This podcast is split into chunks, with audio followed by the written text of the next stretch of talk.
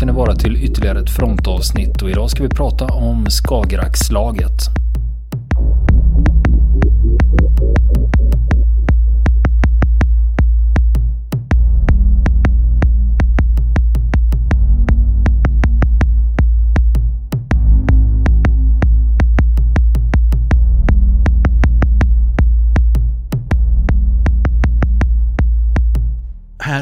Någonting konstigt. För att under de följande minuterna då, i mer än tio minuter, så håller Beatty, trots att han är inom, har dem inom skotthåll, tyskarna, han har identifierat dem, så håller han inne elden. Och det är en av de oförklarliga sakerna med sjöslaget i Skagerrak. Varför han gjorde det. Varför försatt han eh, den här chansen att börja hamra på fienden som eh, när han väl hade dem inom skotthåll. Och han organiserar inte heller sina slagkryssare i stridsformering. Utan de går ju fram på de här kolonnerna vi pratade om tidigare. Eh, har de gjort. Och när striden väl börjar, några minuter senare, så håller de fortfarande på att manövrera. För att hamna i den här slaglinjen. Som var föreskriven då enligt den tidens teorier. Så att det är väldigt rörigt där i början för honom. Och 1548 då är de parallellt med varandra ungefär. Då har man eh, liksom har han hunnit ikapp. De ligger 14 kilometer ifrån varandra. När striden börjar. Mm. Men britternas eh, fartyg är alltså snabbare än tyskarnas. För han kunde ja. ju köra ikapp då. Ja, ja visst. Precis. Uppenbarligen så har han gjort det. I alla fall så har de kommit upp så att de är i jämnhöjd med varandra. Om det berodde på hipper som körde avsiktligt hade Eh, varit lite långsammare för att eh, få britterna att nappa på kroken eller inte. Det, det får jag eh, får vara osagt än så länge i den här, i den här historien. Och den, den här delen av slaget, eh, av Skagerrakslaget, brukar kallas för jakten söderut. Nu är det britter som jagar tyskar. Men det är, så det är Hipper, det är inte Beatty utan det är Hipper som är först med att öppna eld. Hans slagkryssare. Och eh, därefter så svarar de brittiska. Och under de första minuterna så skjuter nästan alla Beatys fartyg för högt över fienden. Och nedslagen hamnar långt bortanför Hippers eh, fartyg. Eh, och det berodde delvis på att man hade svårt att mäta in avståndet. Man höll på fortfarande att manövrera sig på plats. Och eh, Beatty han hade också vinden i ryggen vilket gjorde att hans egen skorstensrök skymde sikten mot målen. Och eh, medan Hipper i sin tur hade perfekt synfält över var han, var han hade britterna. Och dessutom så var himlen i öster eh, disig. Eh, så det var svårt och eh, ja, de, de, tyska målen helt enkelt var väldigt otydliga för britterna, britternas artilleriofficerare. Och det var ändå 14 kilometer. Då var det 14 kilometer. Det är en bra mm, bit. Det är en bra bit, ja. Precis. Men det, var, det här var stridsavstånd på den här tiden då, nästan bakom horisonten nästan. Beatty, han hade till slut då, fick han sina fartyg på linje som han skulle. På grund av ett misstag då, när man fördelade målen mellan sig. Och då är det liksom första, första fartyget skjuter på första fiendens och så vidare. Andra fartyget skjuter på andra fiendens och så vidare. Så var det ett av de tyska fartygen, en av slagkryssarna, som inte blev beskjuten alls. Utan i lugn och ro kunde mata in granater mot eh, den brittiska flottstyrkan. Och det var Derflinger som vi nämnde tidigare då. Som ett exempel i det här som eh, hade så tjock bepansring som en, ett brittiskt slagskepp. Däremot så fick en annan slagkryssare eld på sig från två brittiska, två av de brittiska slagkryssarna. Men trots det, trots att den hade två fartyg emot sig så sköt man ändå korrekt hela tiden utan att liksom låta sig störas av eh, att det regnade ner granater runt, runt den. Och lyckades få in nio träffar på en av de brittiska slagkryssarna, Tiger, i sin tur. Så man hade väldigt skicklig eldledning ombord som var väldigt lugna, hade is i magen och kunde beräkna avstånden korrekt. Hade britterna fått in någon träff i den här tidpunkten då? Nej, det hade de inte. Så, mm. så de, sätter, de sätter en Tiger nio mm. gånger. Men britterna lyckas inte sätta något. Nej, inte i början där. Så Hippers fem slagkryssare, de är först med att träffa britterna. För de har bättre sikt. Och tre av de, tre av de sex brittiska slagkryssarna de fick, eh, blev träffade. Det tog sju minuter innan britterna fick in sin första träff. På ett av de tyska fartygen. Jag kan tänka mig att sju minuter känns ganska lång tid i det här läget. När du är under beskjutning. Och sådana här väldiga salver som kastar upp fontäner som är flera gånger högre än vad ditt fartyg är. I luften och man väntar sig att nästa ska träffa. Så att eh, då får man nog ha väldigt mycket is i kistan. Där. Då kan sju minuter vara lång tid. Riktigt allvarligt blir det nästan prick klockan 16. Då striden pågått i 12 minuter. För då landar en 30,5 cm granat från Hippers flaggskepp, Lützow, i kanontornet. Midskepps på Beatys flaggskepp Lion. Vissa, fartyg, vissa brittiska fartyg på den här tiden och vissa tyska också hade kan, ett kanontorn midskepps. Alltså mitt inne mellan eh, överbyggnaderna. Kallas, på de brittiska kallas för Q-tornet. Då hade du A och B fram och sen hade du C D bak. Och det här kallas för Q. Som låg i mitten då. Det slog in i taket på kanontornet. Dödade nästan hela besättningen i eh, kanontornet. Eh, som dog på ett ögonblick. Det höll på att bli en katastrof som skulle kunde ha haft potential att sänka hela fartyget. Därför att eh, det kunde sprida sig eld ner i magasinet. Via ammunitionshissarna ner i magasinet.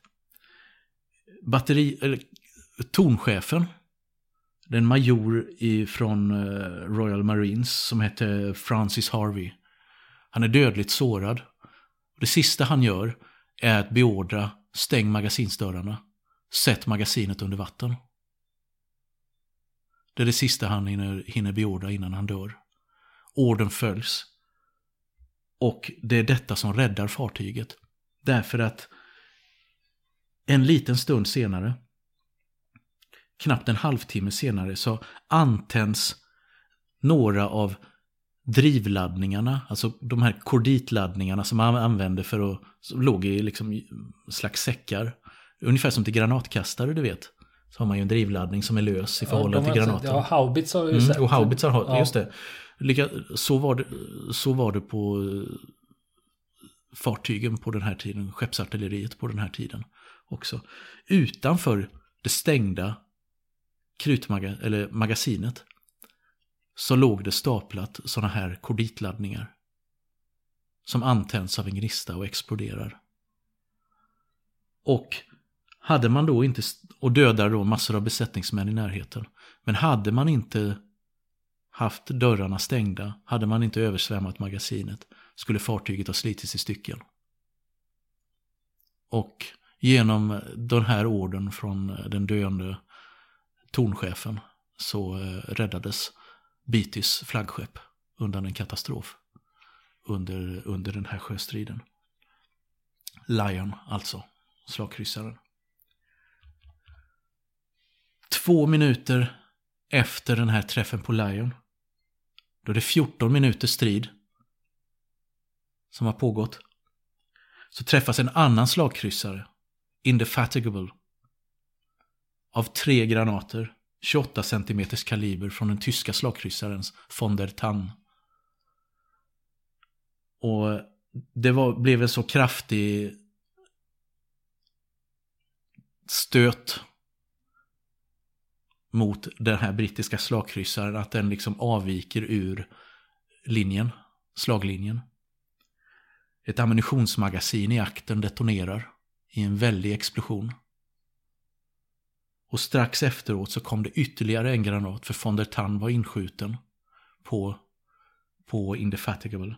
Nästa granat, den fjärde, träffade främsta tornet, A-tornet, i fören.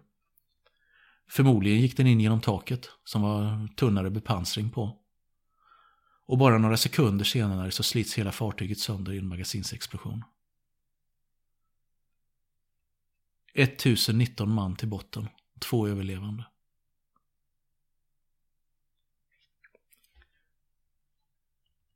Här någonstans, efter några, ytterligare några minuter, kvart över fyra, så börjar amiral Hippers situation försämras. Nu börjar han hamna i underläge. För nu är de brittiska slagskeppen i fatt. Efter, sedan de hade fattat att Beatty hade ändrat kurs, satt fart mot eh, vad som antogs vara fienden. Och därefter så har den brittiska amiralen även Thomas fattat ett eget beslut och jagat efter Beatty. Och nu är han i fatt. Och nu börjar hans kanoner se till att britterna har ett överläge. Allt mer och mer, allt eftersom hans slagskepp får, hamnar inom skott, får de tyska enheterna inom skotthåll. Då är det plötsligt fem slagkryssare och fyra slagskepp på den brittiska sidan. Men Hipper, han är vid gott mod för att han vet att han har snart fyllt sitt uppdrag. Nämligen avståndet till högsjöflottan under amiral Scheer krymper för varje minut. Och snart är de inom skotthåll för huvuddelen av den tyska, tyska flottans slagskepp. Och det främsta slagskeppet det blandas i leken vid 16.08. Barham. Som också skulle få en ödesdiger ja, karriär under andra världskriget sen. Då det fortfarande var i tjänst. Sätter en 38 cm granat i von der Tann. Bara 60 sekunder efter att man har blandat sig i striden. Och sen efter sju minuter så var alla brittiska slagskepp hade sina tyska mot, motståndare inom skotthåll. 16.25, 25 minuter efter den här träffen på eh, Beatys flaggskepp, 23 minuter efter att den första brittiska slagkryssaren hade sänkts, så blir det dramatiskt igen. Därför att då träffas slagkryssaren Queen Mary av en hel salva från två tyska slagskepp, slagkryssare. Troligen så är det Derflinger igen som är framme och eh, en annan slagkryssare som heter Seidlitz. Varpå Queen Mary slits i stycken i en gigantisk explosion när magasinen ombord exploderar i fören. Man hade 1275 mans besättning. Nio överlever. Men de här, de här höga talen av omkomna, eh, beror det på, är det i själva explosionen då som folk tvärdör? Det, eller var det är explosionen och att det sjunker inom bara på ett ögonblick. Mm. det, ju... det finns bilder bevarade från eh, några av de här eh, som har tagits från andra brittiska enheter när man ser det, vi talar om gigantiska explosioner. Ja, det är ju egentligen, hela krutförrådet, det, det är ammunitionsdepå. Ja. Egentligen om man ja, tänker sig att det är en stor ammunitionsdepå som, som smäller av. Exakt. Eh, så det är ju klart ja. att det är där som... Precis. För jag tänkte just det om det hamnar det överlevande kan... i vattnet ja. och de man inte blir räddade eller något sånt. Mm. Men det är det inte frågan om här utan det är... För huvuddelen inte. Klart, klart att folk frös ihjäl i Nordsjön också här i massor. Men eh, i de här eh, explosionerna så så var, snackar vi en totalförlust inom eh, en minut. Av eh, fartyg och större delen av besättning. För det var ofta magasinsexplosioner som fortplantades genom hela fartyget. Så att allting flög i luften helt enkelt. Och eh, en artilleriofficer då på den tyska slagkryssaren Derflinger, han skriver då om Queen Mary Eh, när han ser, ser på detta i sin, eh, i sin kikare då, att en skarp röd flamma sköt upp från hennes förskepp. Sedan kom en explosion, följd av en mycket större explosion midskepps. Hon sprängdes i en fruktansvärd detonation. Masterna kollapsade inåt och röken dolde allting. Men den här jakten den fortsätter oförtrutet. Britterna fortsätter jaga de tyska flottenheterna söderut. Och eh, har inte en aning om att högsjöflottan är antågande pågår totalt under en timmes tid, den här jakten söderut. Och på, under den här jakten så fick de tyska slagkryssarna in 42 träffar på eh, de brittiska fartygen. Men britterna fick bara in 11 träffar med sina slagkryssare och slagskeppen fick bara in 6 träffar. Så att vi snackar om de, dubbelt så många träffar fick tyskarna in med sitt artilleri totalt mot britterna under den här jakten. Och då i den här vevan också, Beatty han har bevittnat två av sina fartyg gå upp i rök på bara ett ögonblick. En minut efter att Queen Mary hade sjunkit, försvunnit i den här stora explosionen, så skyms plötsligt nästa slagkryssare av rök och vattenpelare. Det är Princess Royal av en tysk salva. Och en signalist skyndar sig upp då på Lions brygga och anmäler hos, hos amiral Beatty. Princess Royal har sprängt, sir.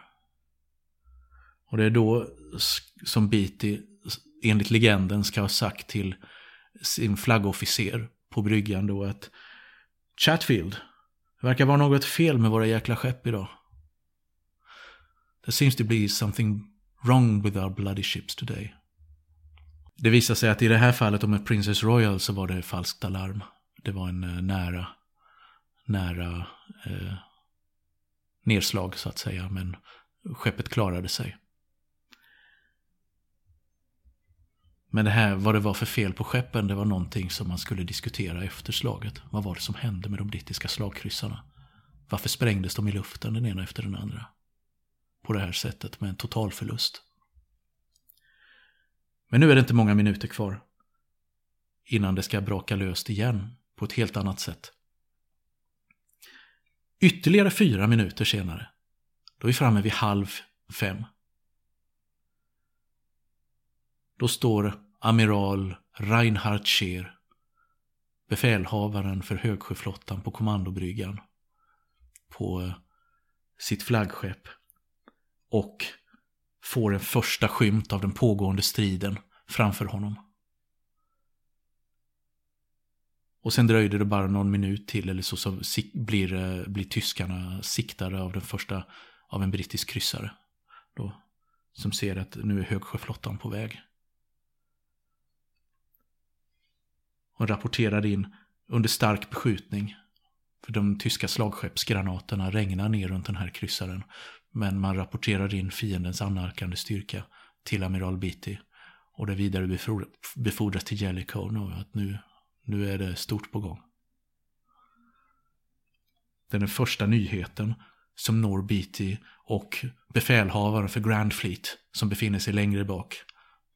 Då John Jellicoe, att den tyska hög, högsjöflottan har löpt ut. Det är det första de får veta att det här kan bli en stor drabbning. Och under tiden som den här drabbningen, skottväxlingen pågår mellan slagkryssare och slagskepp under den här jakten så pågår det samtidigt en strid mellan jagare fram och tillbaka. Tyska och brittiska jagare mellan slagkryssarna. Eh, jagare som försöker fälla torpeder och som försöker hindras av sina motparter och så vidare. Och ytterligare tio minuter hinner gå. 25. Då ser Beatty med egna ögon högsjöflottan. Eller ja, han har väl kikare. Men ser med egna ögon Scheers fartyg komma ångande mot honom. Alla de här 16 tyska slagskeppen. Massor av kryssare och jagare. Och vad gör han då? Han sticker hem. Han gör en helomvändning för att försöka locka tyskarna i Grand Fleets armar. ja. Så nu utbryter nästa kapitel. Nu är avståndet till mellan Beatty och Högsjöflottan 19 kilometer. Och då vet vi att stridsavståndet till slagkryssarna var ju 14 kilometer när det började. Så att det här är ju, man är nära. Man är väldigt nära när man girar mitt, mitt framför fienden. Och nu börjar det som kallas jakten mot norr istället i historieböckerna. För nu nappar tyskarna på betet. De tror ju att Beatty, han är ensam på Nordsjön. De har ingen aning om att Grand Fleet har löpt ut. Så nu är det tyskarna som jagar britterna. Och än en gång så sker en malör i kommunikationen mellan Beatty och slagskeppen. Du vet Hugh Evan Thomas' slagskepp som jag pratade om tidigare. Ja. Inte heller den här gången får slagskeppen meddelande till tid. Beatty, han tvärgirar 180 grader, sätter kurs åt andra hållet. Och inte förrän slag, Hugh Evan Thomas på, sin, sina slagskepp, på, sitt, på sina slagskepp ser de Beattys slagkryssare passera honom åt andra hållet, fattar han. Aha. och, och då får han ord, orden. Och ungefär i den vevan så öppnar amiral Scheer eld med sina slagskepp på maxavstånd mot britterna. Även Thomas han hamnar i ett besvärligt läge där, liksom, för det ta, kommer ta tid för honom att det blev lite signalfel, det tog tid innan orden bekräftades, att han skulle vända. Eh, och eh, man hade gett en felaktig order om vändning istället för vänd samtidigt. För helvete, så säger man, så, så förmedlades orden från Beatty vänd successivt. Och det innebär ju att alla måste fram till en vändpunkt hela tiden. Vända på samma ställe, om du förstår kolonnen. Mm. Som i en hästsko. Mm. Istället för att alla vänder samtidigt, hela kolonnen. Och så att säga, så att sista fartyget hamnar först. Mm. Vilket gör att det här slukar många värdefulla minuter. Och de är ju inom skotthåll. Och de är inom skotthåll för den tyska högflottan. Mm. Så här började det regna granater. Så under följande, men i alla fall, man kommer, man kommer på rätt håll. I alla fall. Och under beskjutning. Men under den följande timmen så pågår jakten mot norr. Först en timme söderut, sen blir det en timme norrut. Men då, Under hela då, den här då, men då ja. ligger slagskeppen sist. Ja, då är slagskeppen sist. Då är de här slagskeppen eftertrupp åt Beattys slagkryssare. Beatty gör allt för att komma utanför skotthåll för han vet att hastigheten är det enda han har att skydda sig med. För han är ju snabbare ja. än slagskeppen. Ja, och han vet att slagskepp, en slagkryssare är inte konstruerad för att möta ett slagskepp i strid. De har för tunn bepansring. Och de har likvärdiga kanoner, så att han försöker hålla sig, komma ur deras radie helt enkelt. Och eh, slagskeppen däremot, eftertruppen, de är ju byggda för att tåla stryk. Som vi sa tidigare. Ska kunna tåla rejält mycket stryk och kunna ge stryk tillbaka. Så därför fick de vara eftertrupp under den här jakten. Och eh, de beskjuts konstant då av högsjöflottan under den här tiden. Tre av dem träffas, tre av de brittiska slagskeppen. Fyra granater hamnar på slagskeppet Barham, två på Warspite. Warspite som för övrigt tjänade under andra världskriget också. Och hade en intressant karriär där.